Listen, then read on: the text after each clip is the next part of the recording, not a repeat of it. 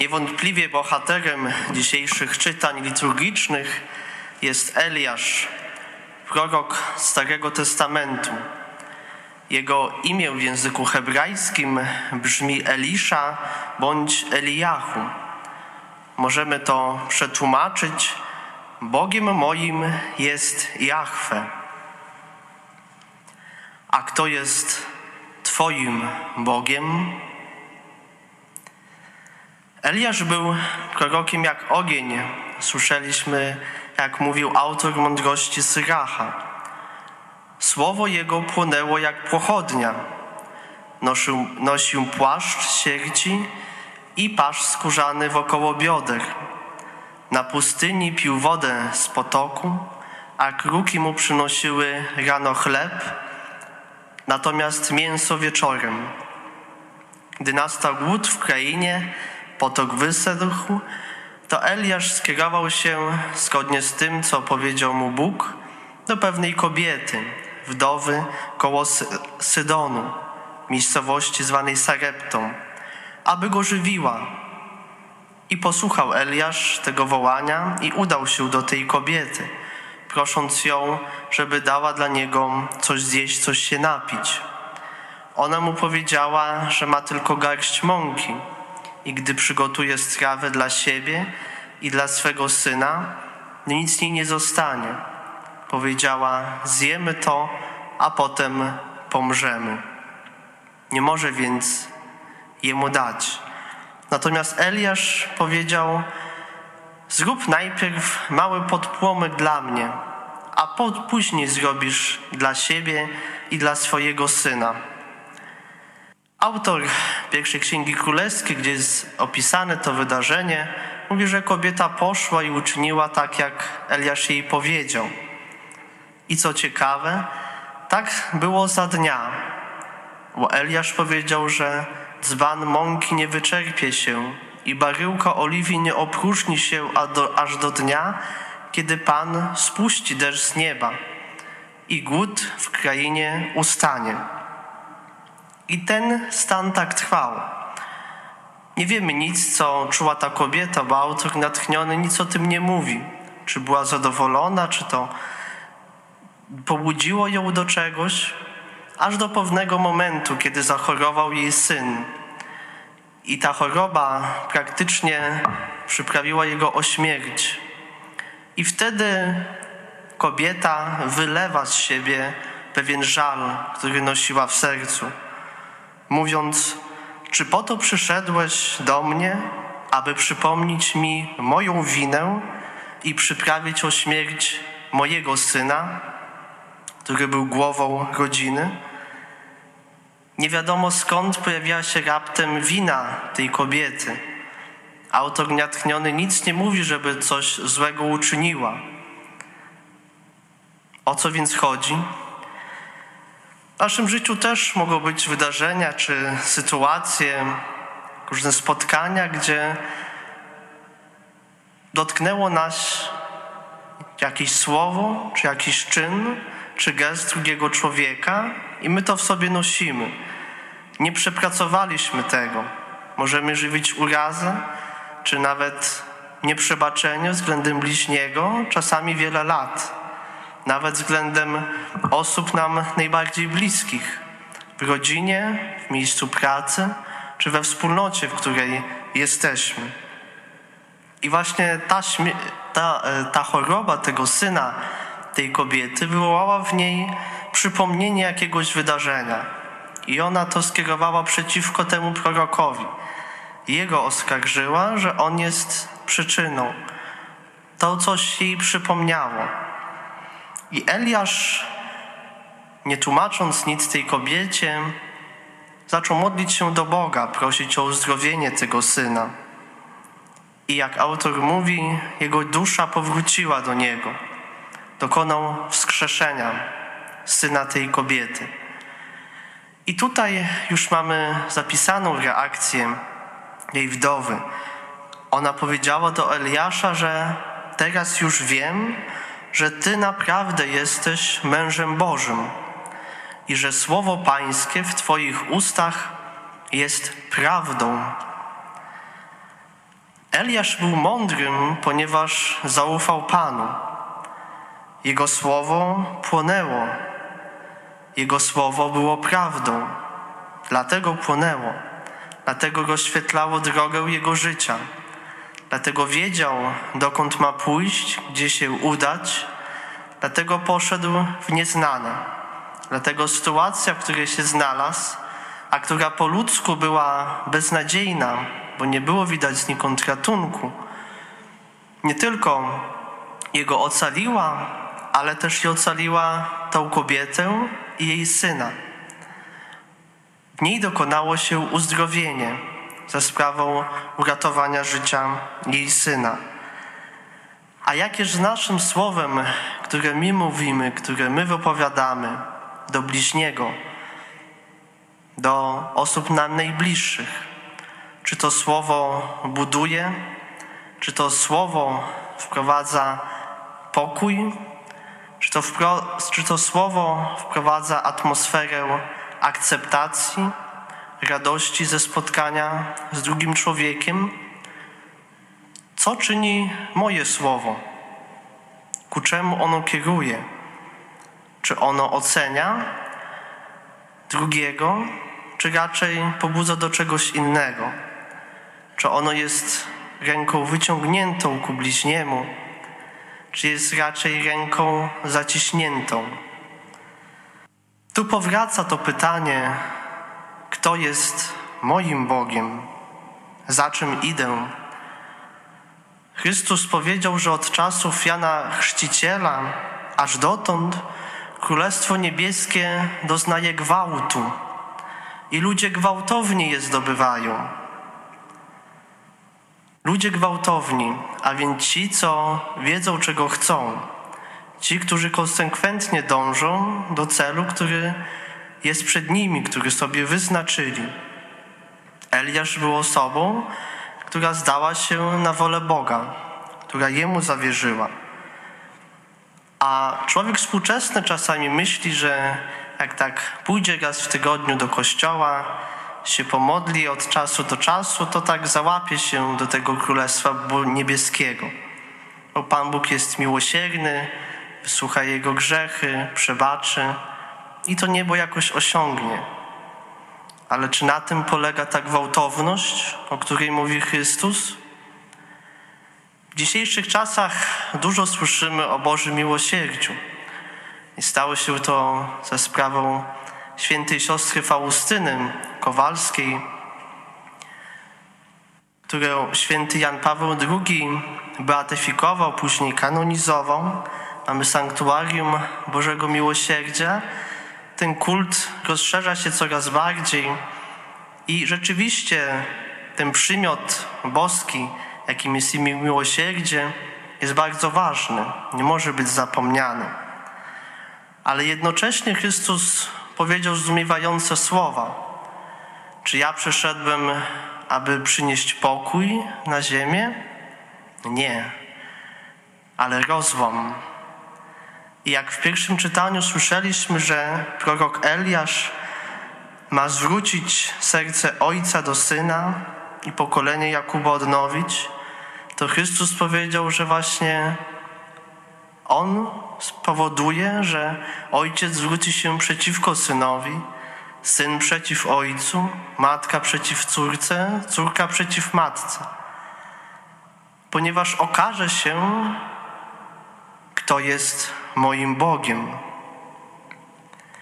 I Chrystus te słowa kieruje do każdego z nas. Mówi o tej gwałtowności w zdobywaniu Królestwa Niebieskiego. I dzisiaj rozpoczyna do nas swoją mowę od słów, które zapisuje prorok Mateusz, apostoł, mówiąc o tym, że kiedy uczniowie Chrystusa schodzili z góry, wtedy zadali mu pytanie o przyjście Eliasza. O jaką górę chodzi? Jak weźmiemy szerszy kontekst dzisiejszej Ewangelii, to tuż przed tymi zapytaniem uczniów jest opisane wydarzenie przemienienia Jezusa na górze Tabor. On zabrał ze sobą trzech apostołów, Piotra, Jakuba i Jana, trzech najwierniejszych. Tam ukazał im się troszkę w innej naturze niż jest. Ukazał im się w naturze boskiej. Piotr, nie wiedząc, jak zareagować na to wydarzenie, powiedział: Panie, dobrze, że tu jesteśmy, bo tu jest coś dobrego. Tutaj czuję się właściwie na swoim miejscu. I takie chwile pobudzają. One właśnie, właśnie są pewnym zapłonem, który zapala serce, pobudza do działania, daje odwagi, daje nadzieję, daje motywację do działania. No ale może ktoś powiedzieć, no dobrze, ale Pan Jezus wziął tylko trzech apostołów.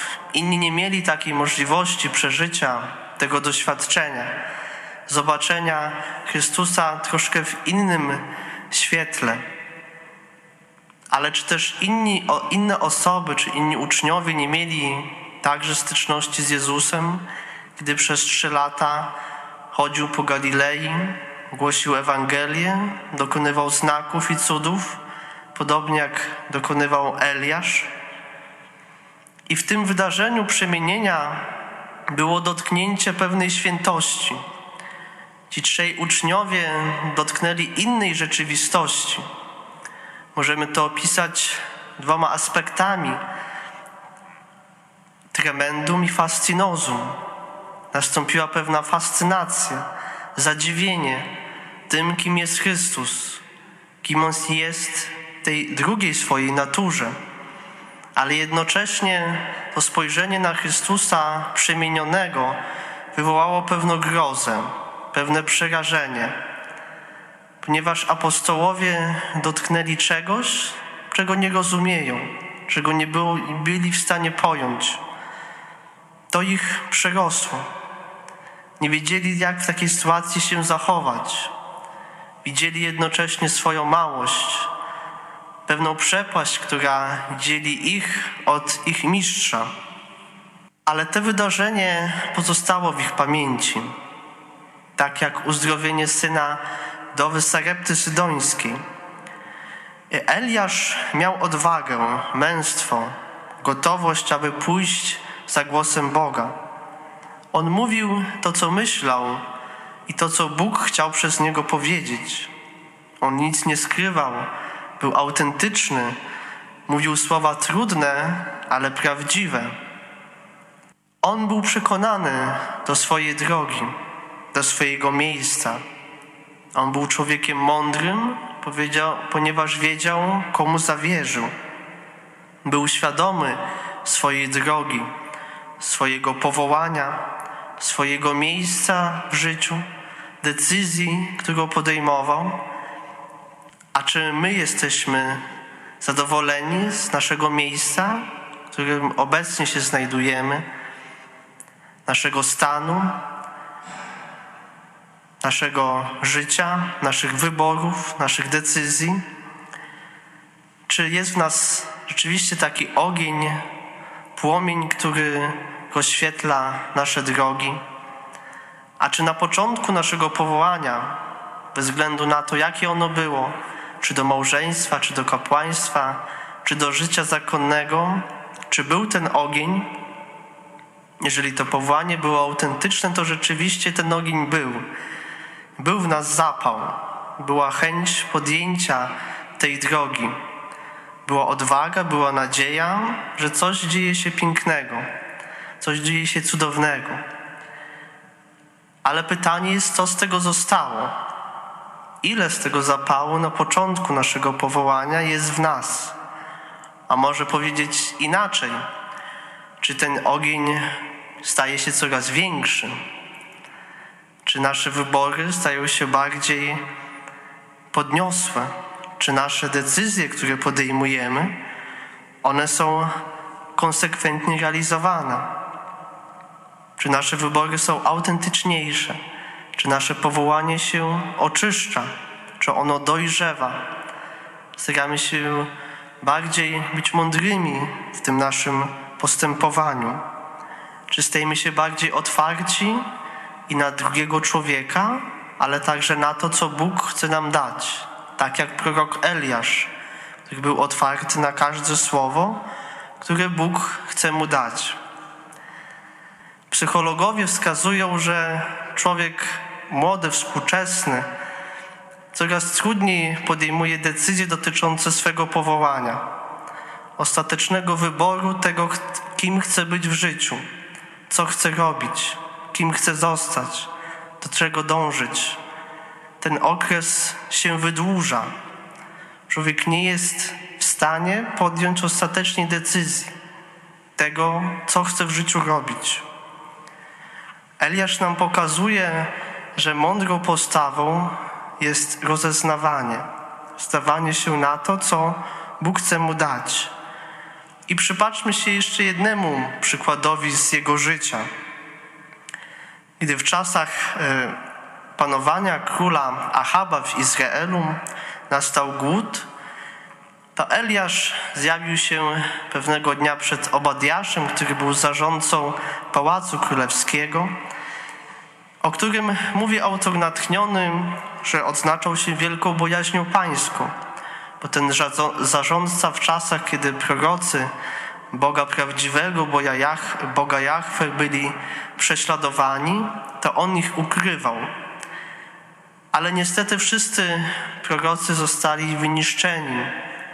Ostał się tylko jeden, Eliasz, jako ten najwierniejszy prorok Pana. Natomiast król Izraela, Ahab, on skierował się ku, Bo ku Bogu Baalowi, Bogu fałszywemu. I oto pewnego dnia Eliasz staje przed Obadiaszem i mówi: Idź do króla i powiedz, że oto jest Eliasz. I wtedy ten zarządca przeraża się i mówi do niego: Czy chcesz wystawić mnie na śmierć? Dlaczego on tak powiedział? Ponieważ gdy powie dla króla, że oto jest Eliasz, no to oczywiście król będzie chciał tego Eliasza odnaleźć, jego odszukać, bo on jego obwiniał za głód, który panował w Izraelu. A Obadiasz zdawał sobie sprawę, że Eliasza może być, może już nie być w tym miejscu, gdzie go spotkał. I wtedy on będzie sam drżał o swoje życie, bo król zapewne skieruje się przeciwko niemu, jeżeli on nie przyprowadzi mu Eliasza, to jego spotka śmierć. Ale Eliasz powiedzie do Obediasza, nie bój się, idź do króla i powiedz, że jestem, bo ja sam się jemu objawię, sam stanę przed nim. I Obadiasz, pomimo że cały był w lęku, cały się bał, to poszedł do króla i gdy mu powiedział, że spotkał Eliasza, oto on jest, to natychmiast uciekł sprzed jego oblicza. Tak się bał. Tak się bał o swoje życie. Ale prorok Eliasz oczywiście jest wierny słowu, które daje i zjawił się przed królem Ahabem i król powiedział, to ty jesteś ten dręczyciel Izraela. Natomiast Eliasz mówi, nie tak do końca. Jest jednak całkiem odwrotnie. To Ty jesteś tym, który dręczy naród wybrany, ponieważ zwróciłeś się ku fałszywemu Bogowi. I urządza swoiste zawody. Mówi do króla, aby sprowadził wszystkich proroków swego Boga Baala i mówi, to wołajcie do niego, a ja będę wołał do swojego Boga. I ten Bóg, który odpowie, ten jest Bogiem prawdziwym. Mówi bowiem, jak długo będziecie chwiać się na obie strony. Jeżeli Jahwe jest Bogiem prawdziwym, to służcie Jemu. Natomiast jeśli Baal jest tym Bogiem prawdziwym, to Jemu służcie. A więc mówiąc inaczej, kto jest Twoim Bogiem? I zarządza, aby zabito ciele, przyrządzono, nałożono drwa i mówi do proroków, to wołajcie do swojego Boga. I wołali przez kilka godzin, całe przedpołudnie, ale nie było ani głosu odpowiedzi, ani żadnego dowodu uwagi. I po kilku godzinach Eliasz szydzi z ich wołania, mówiąc: Wołajcie głośniej, bo to jest Bóg, więc może jest zajęty, albo udał się w drogę, może jest zamyślony, a może śpi, niech zatem się obudzi. I oni wołali głośniej. Jak tak po kilku godzinach ich starań, ich krzyku tak naprawdę, Eliasz powiedział wystarczy i sam zwrócił się do Boga. Kazał jeszcze te drewna polać wodą i po jego modlitwie ogień spadł z nieba. Zapalił drwa, całe spłonęły. Po tym wydarzeniu wszyscy upadli i mówili naprawdę, to Jahwe jest tym Bogiem prawdziwym. Eliasz kazał wszystkich proroków związać i ich wytracić. Chrystus do nas dzisiaj mówi, że nie poznali czasu przyjścia Eliasza, a więc czasu, gdy Jan Chrzciciel działał. I przeżywamy okres Adwentu, który jest nie tylko przygotowaniem na te czasy świąt, narodzenia, wcielenia Pana, ale przede wszystkim jest czasem, kiedy oczekujemy powtórnego przyjścia. I w tych czasach ostatecznych Chrystus mówi, że właśnie ten dzień przyjdzie jak złodziej. Nikt nie wie, kiedy on nastanie. Co zatem czynię z tym słowem, które Chrystus do mnie mówi? Mówi o tym, że ludzie gwałtowni zdobędą Królestwo Niebieskie. Nikt inny. Że On przyszedł na ziemię rzucić nie pokój, ale ogień. Co czynię ze słowem, które mówi do mnie Chrystus? Co czynię ze słowem pisanym z wielkiej litery, samym Chrystusem? Mówiąc inaczej, kto jest moim Bogiem?